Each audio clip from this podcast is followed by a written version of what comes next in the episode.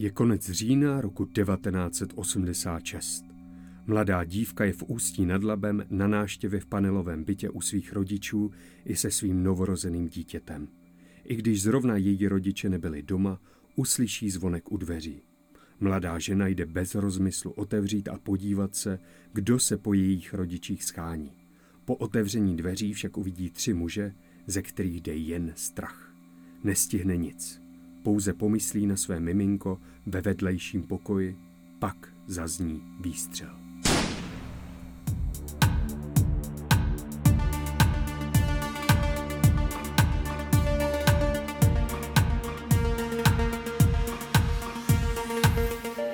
Blesk uvádí Instacrime podcast. Vítáme vás u dalšího dílu Instacrime podcastu.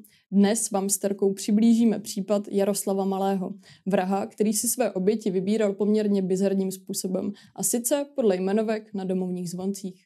Přesně jak říkala Péťa, Jaroslav Malý byl už velmi problémový v dětském věku, kdy byl ještě školou povinný.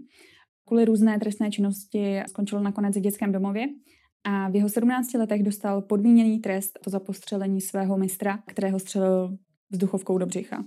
Což podmíněný trest můžeme jako polemizovat, jestli to bylo jako vhodný nebo ne.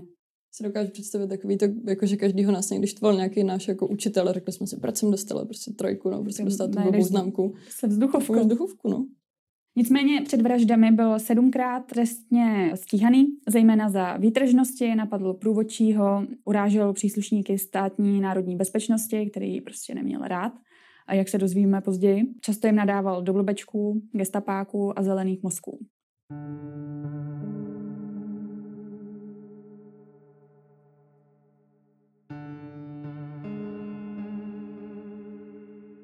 Za napadení průvodčího a urážky právě státní národní bezpečnosti dostal trest odnětí svobody v délce trvání 30 měsíců.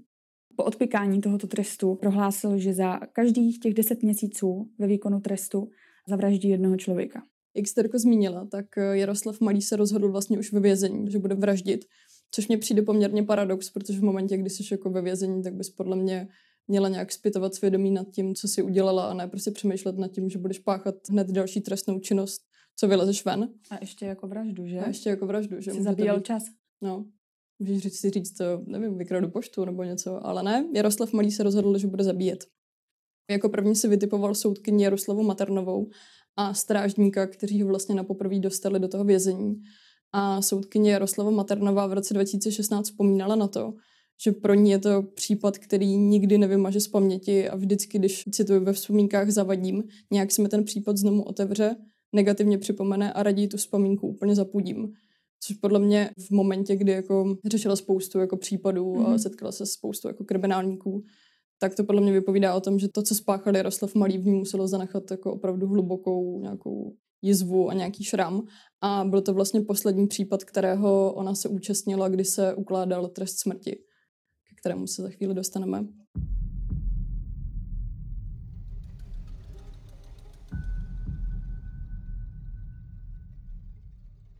Naštěstí teda pro ní, pro tu soudkyni, bylo štěstí to, že Jaroslav Malý se domníval, že ona je nejspíš po smrti, což ji nejspíše asi zachránilo. Mm-hmm. Takže nedošlo k další vraždě. A pak eh, vlastně zpětně, když se dostane, nebo když ho vyslýchali, tak cituji, že prohlásil, až teď, když jsem byl ve vazbě, jsem zjistil, že ta mrcha žije. I po všech těch třech vraždách, co jsem spáchal, bych šel a zastřelil a vyvraždil její rodinu. Milý pán. Velmi, velmi, velmi.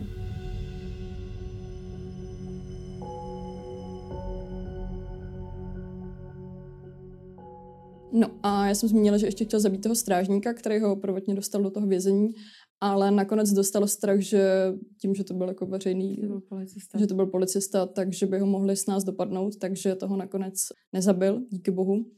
Ale prostě se rozhodl, že tady bude dále zabíjet. A tak se také stalo. Jinak bychom vám tady dneska Jaroslava Malého nepředstavovali. Nakonec si však Malý vybral naprosto nevinné oběti a je až šokující, co bylo tím důvodem, proč, proč se je vybral. Po propuštění z výkonu trestu se Jaroslav Malý spojil s Jaroslavem Gregarem a Pavlem Májem, což vlastně byli jeho kamarádi z basy. Najdeš si tam přátelé prostě do konce života, evidentně. Tak to přátelství bylo silný. Pevný jako mříže. Eh, Malý si sám vyrobil ke zbraně tlumič, což se prý naučil ve vězení. Ne, co se v mládí naučíš, ve stáří, jak budeš najdeš. A nicméně odjel do Prahy. Na jednu stranu by se dalo říct, že si Jaroslav Malý oběti vybíral náhodně, ale na druhou stranu si je vybíral, jak už si Péťo říkala, dost bizarním způsobem. A to podle zvonku ubytu, který ho zaujal. Zajímal se především o lidi, kteří měli na zvonku titul před jménem, protože se domníval, že to budou komunisté, které on prostě nemohl vystát. 21. října 1986 si nakonec přeci jeden zvonek vybral. Je to v panelovém domě v Pražské Bělehradské ulici. Nebylo to teda kvůli titulu, byl to takový bizarnější důvod a Jaroslav Malý uvedl, že si ten zvonek vybral, protože byl podsvícený. Takže nemít podsvícený zvonky a nemít tam tituly. Po zazvonění byt otevřela asi 50-letá žena a aniž by ji znal nebo s ní měl jakýkoliv konflikt, i hned ve dveřích na ní namířil revolverem a ze vzdálenosti ani ne metru ji střelil do hlavy. V bytě pak našel ještě 71-letého muže, který už byl těžce nemocný a byl de facto ležák. Byl to právě manžel postřelené ženy. I toho bez lítosti a mrknutí oka prostě zastřelil. Pro jistotu obou přelepil ústa páskou a znovu je střelil do hlavy. Pro něj to byla asi taková rána jistoty, nevím, protože malý měl totiž dojem, že ta zbraň neměla takovou sílu, aby člověka zabila na tu první ránu. Zbytu pak odnesl vše, co by mohlo být cené a při těchto vraždách byl malý sám. A nicméně ke své poslední vraždě si přizval i své dva frendíky, Gregora a Maje. A jak to bylo, Peťo, s tou poslední vraždou? E, vybíral si ty oběti zase podle podsvícení, nebo už tam byl ten titul? Ano, tentokrát tam Nebylo to podle zvonku, ale tentokrát se rozhodl, že bude svou další oběť hledat v telefonním seznamu a se svými kamarády Gregorem a Majem dokonce opustil Prahu a vydali se do severočeského Ústí nad Lebem, kde si právě vybrali svou třetí oběť v telefonním seznamu. A znovu, jak si zmínila, tak to byla tedy osoba s titulem, protože byla vyšší šance, že to bude komunista, mm. který prostě Jaroslav Malý úplně nesnášel. A vydali se tedy do jednoho bytu v Ústí nad Lebem, když zazvonili, tak jim ale trochu k jim překvapení nepřišel otevřít ten eh, člověk, kterého čekali, si vybrali nějakého postaršího pána, který mm-hmm. zřejmě teda byl komunista, ale nicméně měl titul. Ale přišli jim otevřít 21-letá žena, která ten den měla ohromnou smůlu, protože byla na návštěvě u svých rodičů, kteří ale v ten den nebyli doma, nebo to odpoledne prostě měli nějaké jiné záležitosti. A v momentě, kdy jim tato nebohá žena otevřela, tak podobně, jako tomu bylo už u těch předchozích vražd, tak Jaroslav Malý na ní vystřelil Potom ji následně s těmi svými kumpány odtáhli do bytu, ten následně začali prohledávat a mimo jiný tam našli i postýlku, kde byla dvouměsíční holčička, což byla dcera tady té eh, postřelené ženy.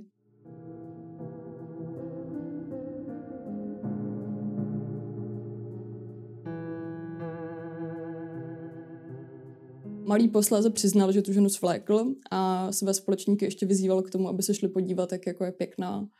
A začal prostě tím jako ukazovat prostě to její jako tělo polonohý, což mi úplně šílený, ještě v momentě, kdy tam měla prostě jako holčičku jako pár metrů od ní. Gregard, jeden z těch kumpánů, později uvedl, že ta žena prosila, aby ji nezabíjel, že to má malé dítě, ale malému to bylo úplně jedno a údajně měl odvětit mrtvý nemluví, nedá se nic dělat děvenko a vystřelil jako další ránu, která už byla tady smrtelná. To podle mě vypovídá dost o té jeho emoční oploštilosti, protože nedokážu si to jako představit, co ho vedlo prostě k tomu vypálit prostě jako další ráno. Hmm. A podobně jako tomu bylo u těch předchozích vražd, tak i tento byt následně vykradli, prostě obrátili ho vzhůru nohama, odnesli si, co by se jim mohlo hodit a když odcházeli, tak ještě do zámku strčili sirku, aby vlastně stížili odemykání těch dveří, až se tam někdo bude jako vracet a nechali tam prostě tu mrtvou maminku s tím dvouměsíčním plačícím novorozencem a ty rodiče té zavražděné dívky se vrátili až jako k večeru a našli tam prostě tuhle spoušť.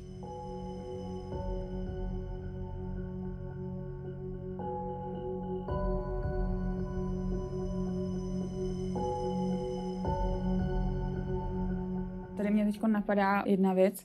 Možná by stálo i tenkrát za to ten čin kvalifikovat i taky jako pokus o vraždu toho novorozence. Přeci jenom, když se snažili prostě, nebo když dali tu sirku do toho zámku, tak je muselo být jasný, že bude těžké se do toho bytu dostat a to dítě vlastně bylo odkázané na tu mrtvou matku, takže jako asi jim podle mě i bylo jedno, jako jestli to dítě prostě zemře, protože ani nemohli mít jistotu, kdy se ty rodiče vrátí a jestli vůbec. Ale teď se podíváme na probíhající soud s Jaroslavem Malým a můžeme říct, že soudkyně Matrinová neměla těžké rozhodování. Mimo to paní soudkyně Maternová jako působila do roku 2015 jako soudkyně Městského soudu v Praze a mimo jiné soudila taky případ Jiřího Straky nebo Ladislava Hojera. Takže fajnový případy. To je skvělá sebranka. Malý se tedy ke všemu přiznal, dokonce měl strach, aby mu připsali i tu druhou vraždu toho muže, protože byl těžce nemocný a brzy by umřel, tak eh, Jaroslav Malý se bál o to, aby si vlastně mohl tu zásluhu jako přičíst k sobě. A to je taky docela paradox, viď? většina spíš jako ty vězni se z toho chtějí nějak jako vykecat, že oni to jako nebyli, aby právě dostali jako menší trest. A Malý říkal, jako, že ne, já jsem to byl. Prostě jako, že nezapomeňte ještě na tamhle toho, jako toho jsem taky zavraždil jako hrozný, ale zase myslím si, že to dost vypovídá o ty jeho narcistický povaze. Už od začátku, že jo, kdy prostě si říkal, že za každých deset měsíců prostě zavraždí jednoho člověka a to všechno on vypovídal vlastně až později. Takže taky jako zvláštní, že vlastně popsal všechno, i když by teoreticky jako nemusel. Nemusel. Taky uváděl ve svém výslechu, že by zavraždil kohokoliv, kdo v bytě byl, a vysmíval se tam znalcům a ten soud musel být velmi zajímavý s ním, protože teoreticky bych řekla, že malý úplně moc inteligence nepobral, takže bavit se s ním o nějakém procesu trestně právním nevím, no. Muselo to být hodně složitý. A co mě docela překvapilo je, že Jaroslav Malý chtěl trest smrti. Pro něj bylo vlastně nepředstavitelné to, že by zbytek života měl prostě strávit jako v té cele.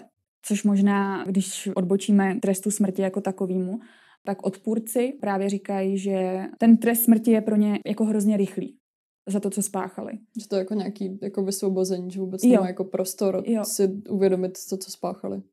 Přesně tak, no.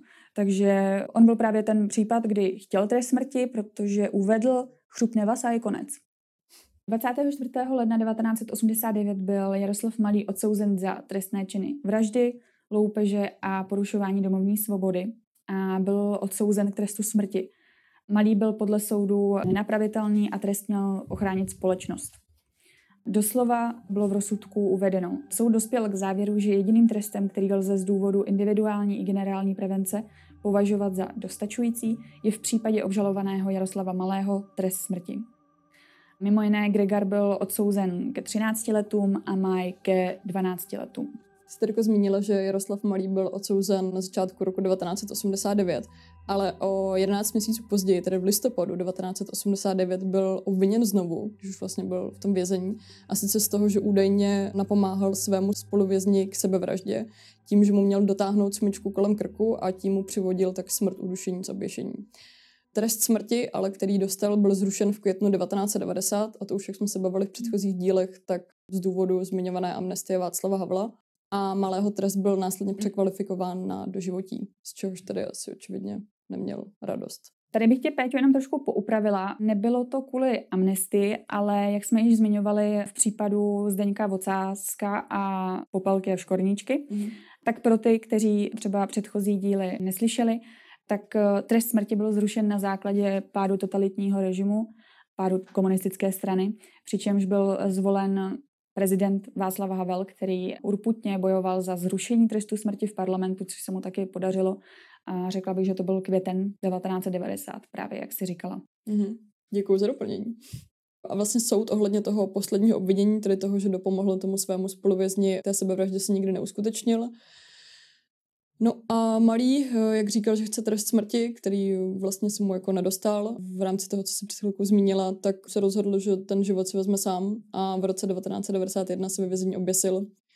Těžko říct, z jakého to bylo důvodu, jestli třeba konečně se v něm hnul nějaký pocit viny, nebo hmm. jo, jestli to byly zhoršující revmatické bolesti, kterými údajně jako trpěl, ale nechceme soudit, ale já si myslím, že je to asi víc než jasné, co k tomu vedlo. Jakože nenabádám k nějakému gamblerství nebo cokoliv, ale já bych vsadila všechno na to, že pocit viny to určitě nebyl. Hmm. Už podle toho, jak se prostě k tomu stavil. Což mi připomíná, že tady si můžeme vzít další radu, co si sám neuděláš, to nemáš.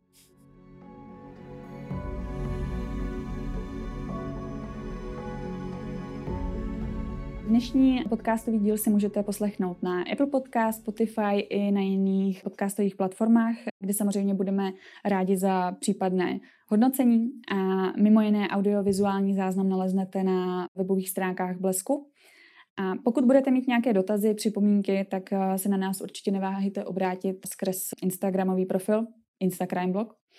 Děkujeme za vaši přízeň, za vaši trpělivost a uslyšíme se zase příští čtvrtek. Mějte se. Mějte se.